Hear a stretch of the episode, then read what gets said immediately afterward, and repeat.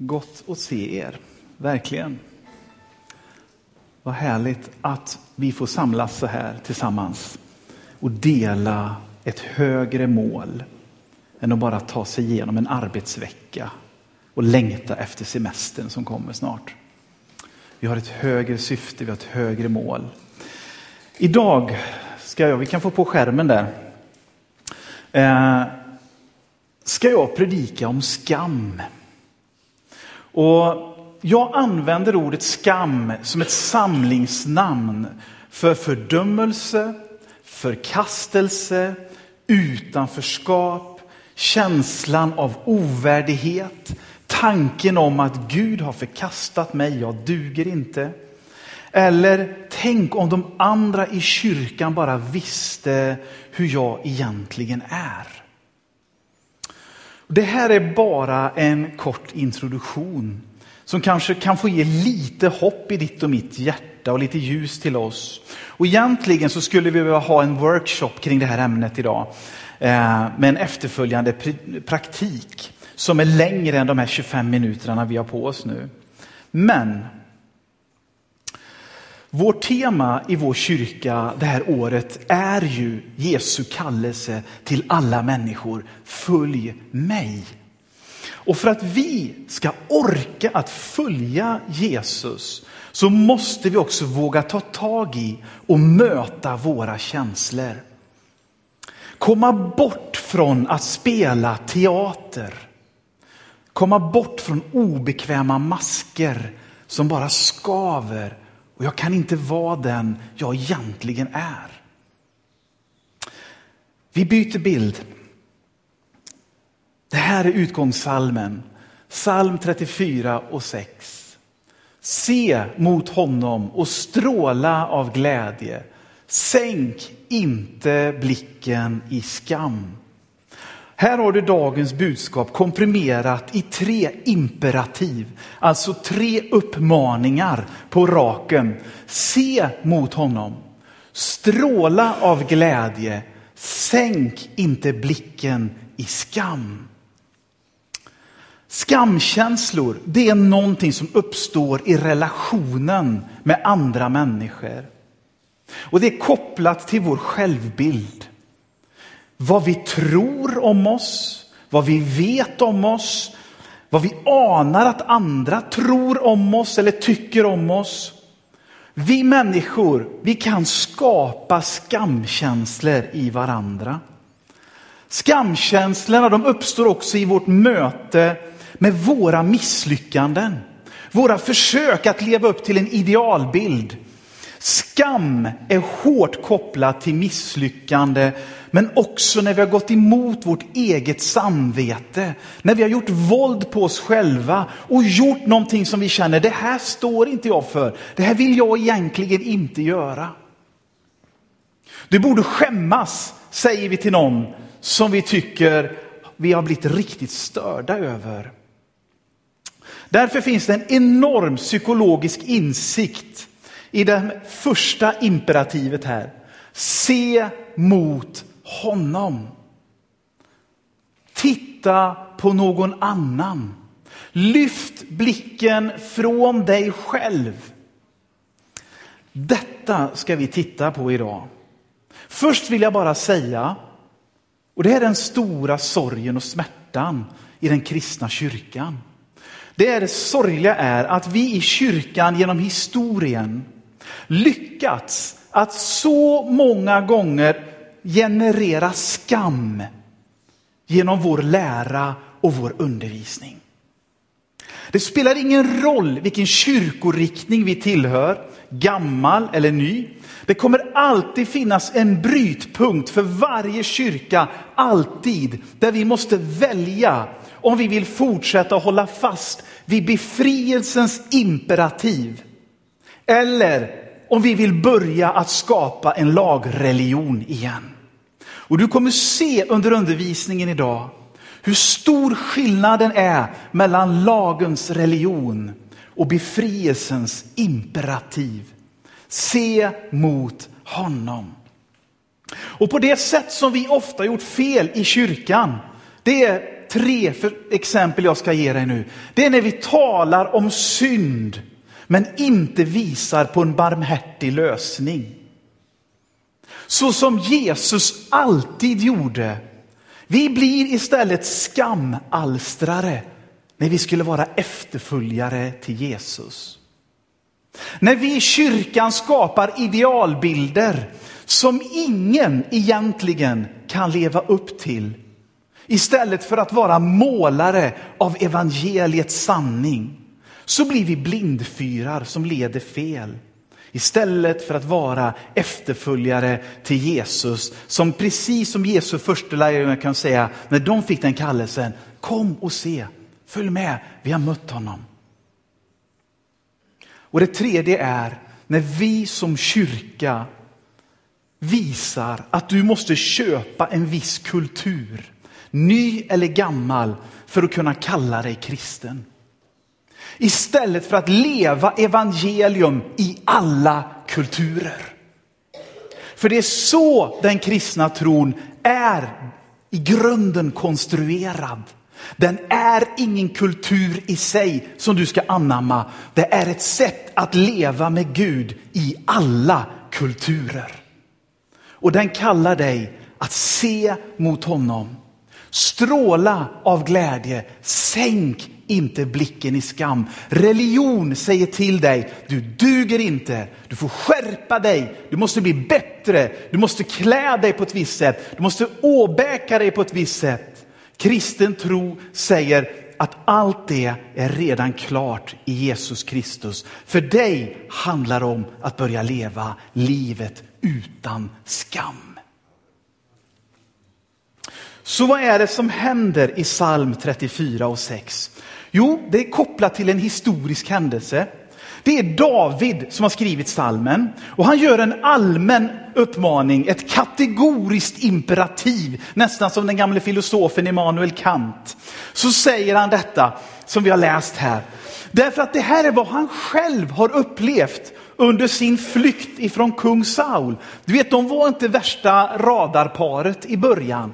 De var lite grann i luven och Saul var så galet avundsjuk på David och David förstod inte riktigt hur bra han var alla gånger. Så han flyr från Saul. Och det är ur den flykten som den här salmen kommer. För han säger i psalm 34 i versen innan. Jag sökte mig till Herren och han svarade mig och han befriade mig från all fruktan. Och i versen efter säger han, jag eländige ropade, Herren hörde och han räddade mig ur all min nöd. Det här berättelsen kan du läsa om i första Samuelsbokens 21 kapitel och den tionde versen. Och då kommer vi in i en händelse där David får höra hur människor citerar en sång om honom. Hur duktig han är, hur bra han är, hur stark han är i kontrast till Saul. Och David står där och känner, den här idealbilden kan jag inte leva upp till. Så han får panik och vad gör han? Han spelar galen. Han börjar spela teater. Han tar på sig en mask av något han inte, han är ju egentligen smord av Gud att leda Israel. Men han är under sån press av fruktan och förtvivlan. Av den idealbilden som han nu skulle ha levt upp till och som han inte klarar. Så Samuelsboken säger att han börjar spela galen istället. Snacka om förnedring och skam. När du och jag inte kan leva upp till förväntningar och idealbilder, då finns det en stor risk att vi börjar spela teater. För att passa in och dölja vårt egentliga läge. Precis som David. Men David hittade en väg ut ur det här. Vem är då den Herre som David uppmanar dig och mig att titta upp mot? Att lyfta blicken från vårt eget misslyckande eller de här kraven som vissa, kanske olika kyrkorörelser har lagt på oss. Vi ska vara si, vi ska vara så, vi ska bete oss så, vi ska klä oss på det där sättet. Ja, Bibeln beskriver honom som en sten. Alltså, vem bryr sig om en sten? Det hade ju varit någonting om Bibeln har sagt, jag har en ny cool lära här som gäller. Eller en ny teknik. Men inte en sten. Hur kan en sten hjälpa oss när vi känner att skam och misslyckande och idealbilder trycker på oss? Jo, vi ska titta på det. För stenen, speciellt den här, det är en symbol för pålitlighet och trofasthet ifrån Gud. När han hjälper oss. Vi byter bild och går till Romarbrevet 9 och 30. Vad innebär nu detta, skriver Paulus? Jo, att hedningarna som inte strävade efter rättfärdighet har vunnit rättfärdighet, men en rättfärdighet som bygger på tro. Israel däremot, som strävar efter en lag som ger rättfärdighet, kom inte fram till den lagen. Varför? Därför att de inte höll sig till tron utan ville hålla sig till gärningar. De snubblade över den stötesten som skriften talar om. Se, i Sion lägger jag en sten som man snavar på, en klippa som man stöter emot. Men den som tror på den skall inte stå där med skam. Den här stenen, den utmanar. Den hukar inte för vår synd. Och när vi pratar om synd i bibliska termer så är det inte en svart bok som någon präst har hittat på. Utan Bibeln pratar om detsamma som att skjuta med pilbågen, hamateira på grekiska. Jag siktar och missar tavlan. Eller paraptoma på grekiska. Jag går på en väg men jag snubblar vid sidan om. Det blir fel. Den synden backar inte ges Guds räddning för. Utan den utmanar den, den säger den finns där. Det finns bekymmer med att vara människa, men det är inte slutet på historien. Utan den som sätter sin tillit till den kommer att bli befriad från sin skam. Hur då? Inte genom laggärning, genom att jag skärper mig och sköter mig i första hand, utan att jag vid mitt hela mitt hjärta sätter min tro till den här stenen. Romarbrevet 10, vi byter bild. Nästa kapitel förklarar hur detta blir möjligt. Jo, säger Paulus, om du med din mun bekänner att Jesus är Herre och i ditt hjärta tror att Gud har uppväckt honom från de döda skall du bli räddad. Hjärtats tro leder till rättfärdighet och munnens bekännelse till räddning. Skriften säger ju ingen som tror på honom ska stå där med skam. Så lösningen på mänsklighetens problem, det är inte att säga att synd inte finns, det är ett omodernt uttryck, det använder vi inte längre. Eller problem i livet, det är bara dålig karma. Får skärpa dig så blir det bättre i nästa liv. Eller problem i livet, det är bara en illusion, säger någon religion. Det finns inte på riktigt. Men det kan vi ju säga att det gör. Det räcker att titta på Syrien. Så tron på Jesus, inte våra egna gärningar. Tänk vad lätt vi blir religiösa. Om jag bara gör si, om jag bara tänder ett ljus, om jag bara gör så, då kan väl Gud förlåta. Det är redan klart. Det är redan färdigt. Religionens väg i dess bemärkelse att vi ska blidka en arg Gud finns inte om du vill följa den här vägen. Det finns bara en sten som du kan få fotfäste emot i ditt liv. Det är det kristna evangeliet i Twitterformat. För vi kommer aldrig komma ifrån att vi syndar, att vi gör fel. Men det är här som stenen kommer in. Har du varit ute och simmat någon gång? Och känt att nu var jag nog lite övermodig. Jag kom nog lite långt ut här. Åh hej vad det börjar blåsa eller vad strömt det blev här. Och så känner man med fötterna att åh, här fanns det en sten. Eller när man känner, jag tar i lite till så kommer jag fram till den där klippan som sticker upp i vattnet. Och den där känslan när man glider upp på den klippan och känner, vilken tur att ingen såg att jag inte kunde simma mer än 50 meter. Eller hur? Visst är det skönt? Mitt i den här strömmen av idealbilder, av misslyckanden, av religiösa krav, av kulturella krav som vi simmar emot och strävar emot hela tiden. Och jag ska klara att vara människa också. Jag, jag ska doktorera, jag ska klara det här och jag ska träna och jag ska äta rätt och jag ska inte äta chips och nu ska man äta chips och nu ska vi göra si och nu ska vi inte göra så. Och simmar och simmar och simmar där. Och så känner man, där finns en sten som jag kan få tag om. Den håller. Hur mycket det än strömmar omkring mig nu så kan jag hålla fast vid den här stenen. Det är så tron på Jesus funkar. Jesaja, vi tar nästa bild, 28 och 16. Jag vill bara ge dig en kort introduktion till detta så kan du läsa mera sen. Därför säger Herren Gud, se jag lägger en grundsten på Sion, en sten som håller provet, en utvald hörnsten som säker grund. Den som tror, den som har tro förhastar sig inte, eller som det står i svenska folkbibeln, den som tror på den behöver inte fly. För vad är det vi gärna gör när vi känner skammen, förtvivlan, ångesten. Jag är inte lika fin som du, jag har inte råd att göra det som du kan och, och jag, det, allt bara är ett tecken på att jag har misslyckats. Då säger Guds ord att det första som drabbar oss, flyktmentaliteten, det behöver du inte. Du kan hålla fast vid stenen. Du behöver inte förhasta dig och du behöver inte fly. Du får stå kvar. Därför att precis där du är, är rätt plats för dig och den du är, du duger.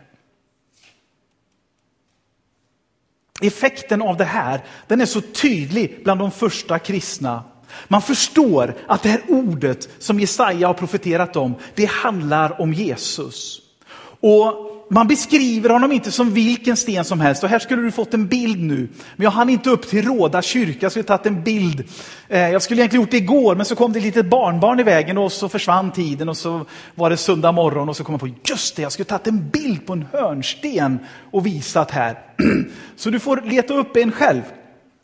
Men de kristna i den tidiga kristna kyrkan tänkte, okej, okay, Jesaja pratar om Jesus. Och han blir inte vilken sten som helst, inte den där stenen som man kör tårna in när det är alldeles för kallt i vattnet, vet man är ute och simmar och bara aj, aj, aj, så här. Utan den där stenen som i ett bygge ger riktning för hela husbygget, ger stadga åt hela husbygget, säger att det här huset, det byggs på rätt sätt. Och i Apostlagärningarna, vi kan byta bild igen, 4 och 8 till och med 12 så är vi med om en direkt historia ur den allra första kristna berättelsen. Hur det här omsätts i praktiken direkt. Och jag har bara tagit en liten del där, för jag orkar inte skriva mer. Du får hela bilden här. Då fylldes Petrus av helig ande och svarade dem, ni äldste och folkets ledare, när ni idag ställer oss till svars för en välgärning mot en sjuk och vill höra hur han har blivit botad, då ska ni veta, ni alla och hela Israels folk att det var, eh, att det, var, att det skedde genom Nazaren, Jesu Kristi namn, tack vare honom som ni korsfäste. Och som Gud har uppväckt från de döda står den här mannen frisk framför er. Och lyssna nu. Jesus är stenen som föraktades av er husbyggare men blev till en hörnsten. Hos ingen annan finns frälsningen och ingenstans bland människor under himlen finns något annat namn som kan rädda oss. Det är på riktigt när vi pratar om att Jesus är en räddningens, en hörnsten för livet. Det är ingen teori, det är ingen snygg så här liknelse och bild. Det blir på riktigt när du och jag väljer att mura med den stenen i vårt liv. För då börjar allt annat korrigeras utifrån den. Men säger, ursäkta mig, lärjungarna här. Ni bygger inte med den stenen. För det finns någonting förrädiskt i att låta laggärningarna istället styra. Men jag som har gjort så mycket bra i mitt liv, jag som är en sån god mötesbesökare, vi som alltid har ställt upp för kyrkan, jag som aldrig skäller på någon, jag som alltid är snäll, jag som alltid försöker göra gott. Nej, säger lärjungarna, det funkar inte för att den här mannen ska få uppleva befrielse. Det är jättebra att vi gör så i vårt liv, men det frälser inte oss, det räddar inte oss. Det enda som räddar, det är när vi sätter all vår tillit till Jesus. När vi murar med honom i vårt liv. Vad kan du och jag lära oss av allt detta? Alla människor lider av skamkänslor som kan ta sig uttryck i förkastelse, skuld, känsla av att vara fördömd, utanförskap. Känslorna, sa vi, uppstår av olika skäl och botas inte av att vi förnekar att vi syndar och gör fel. Och hjälper inte heller att vi försöker skärpa oss i första hand. Utan att fästa blicken på sanningen och komma loss från idealbilder. Du vet när en människa går vilse i skogen eller överhuvudtaget börjar tappa den inre kompassen, så är man övertygad om, har det visat sig, att man går rakt fram. Men det har visat sig att man ofta bara går i en cirkel. När fokus tappar referenspunkter i tillvaron, då börjar vi gå i cirklar och ingenting löser sig. Men när du och jag får ett referenspunkt att sätta vårt fokus, vår blick på. Det är så en fyr fungerar. Den slår igenom dimman, mörkret och säger att fastän att det känns som att du ska styra åt det hållet nu, så är det däråt du ska. Allt tryck i den här processen att göra upp med skam i sitt liv hamnar inte hos dig och mig utan det hamnar på stenen Jesus Kristus. Han som klarar trycket från alla våra känslor. Genom tro på honom så lyfts bördorna av och vår egen förmåga kan vi lämna åt sidan. Kom ihåg en sak, vi kan byta bild.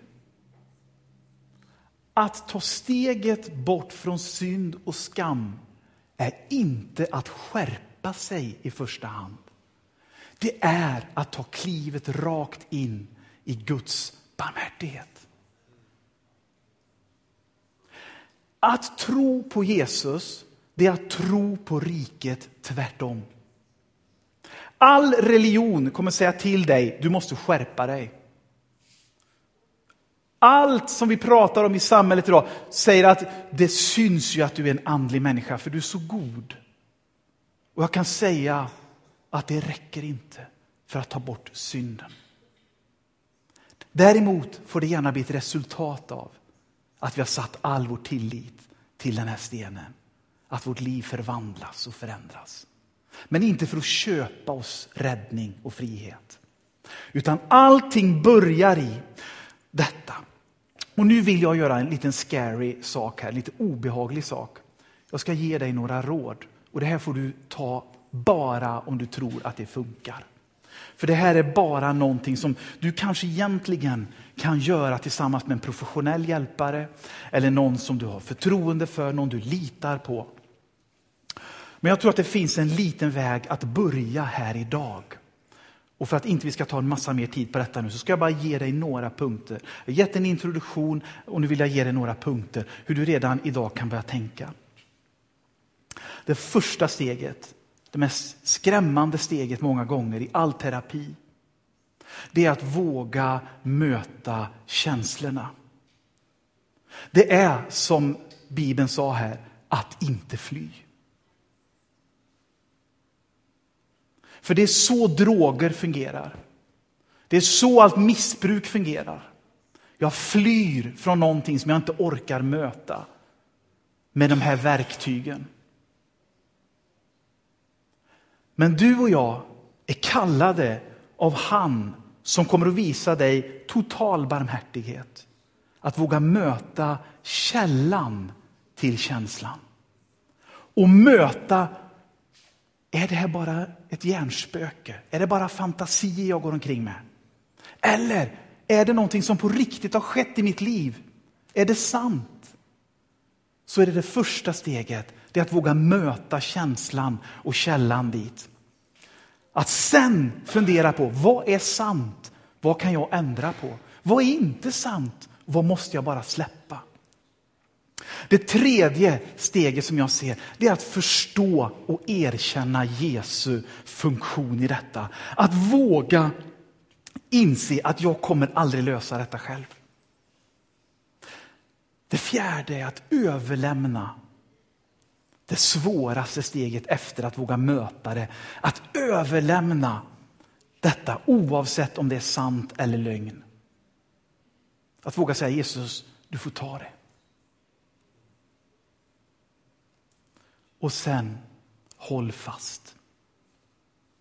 Håll fast vid löftesorden. Har vi någon mer bild? Det har vi inte va? Nej, det var sista. Jag fick för mig att jag hade en till. Håll fast vid löftesorden. Så vad har jag sagt idag? Vi människor genom hela livet kommer ha ett oerhört rikt känslopaket på insidan. Och en av de här tunga pansarkryssarna som ställer till mycket bekymmer där inne, det är känslan av skam. Förkastelse, fördömelse. Jag duger inte. Det sorgliga är när vi i kyrkan har genererat det här. Men det hoppfulla det är att den vi bekänner är vår Herre. Han är också lösningen på hela skuldpaketet. Oavsett om det är sant det du känner skam inför eller inte, så är det han och inte dina egna laggärningar som är lösningen. Amen. Gud, du som känner oss så väl. Herre, jag ber att de här orden av hopp, av tillit och förtröstan skulle få sätta sig i vårt inre och på allvar börja konkurrera med dåliga idealbilder, skuldkänslor, skam. Och Herre, jag ber att den här befrielseprocessen, kanske finns det en gammal pastor som spökar där inne, en lärare, en, en vän, någon som har gjort någonting, sagt någonting. Herre, att det finge släppa sitt tag. Och att vi här idag skulle våga titta upp. Stråla av fröjd emot dig. Inte mot oss själva och våra misslyckanden. Och att skammen får släppa sitt tag. Herre, jag lägger så detta i dina händer och tackar dig för ditt verk i var och en av oss. I Jesu namn. Amen.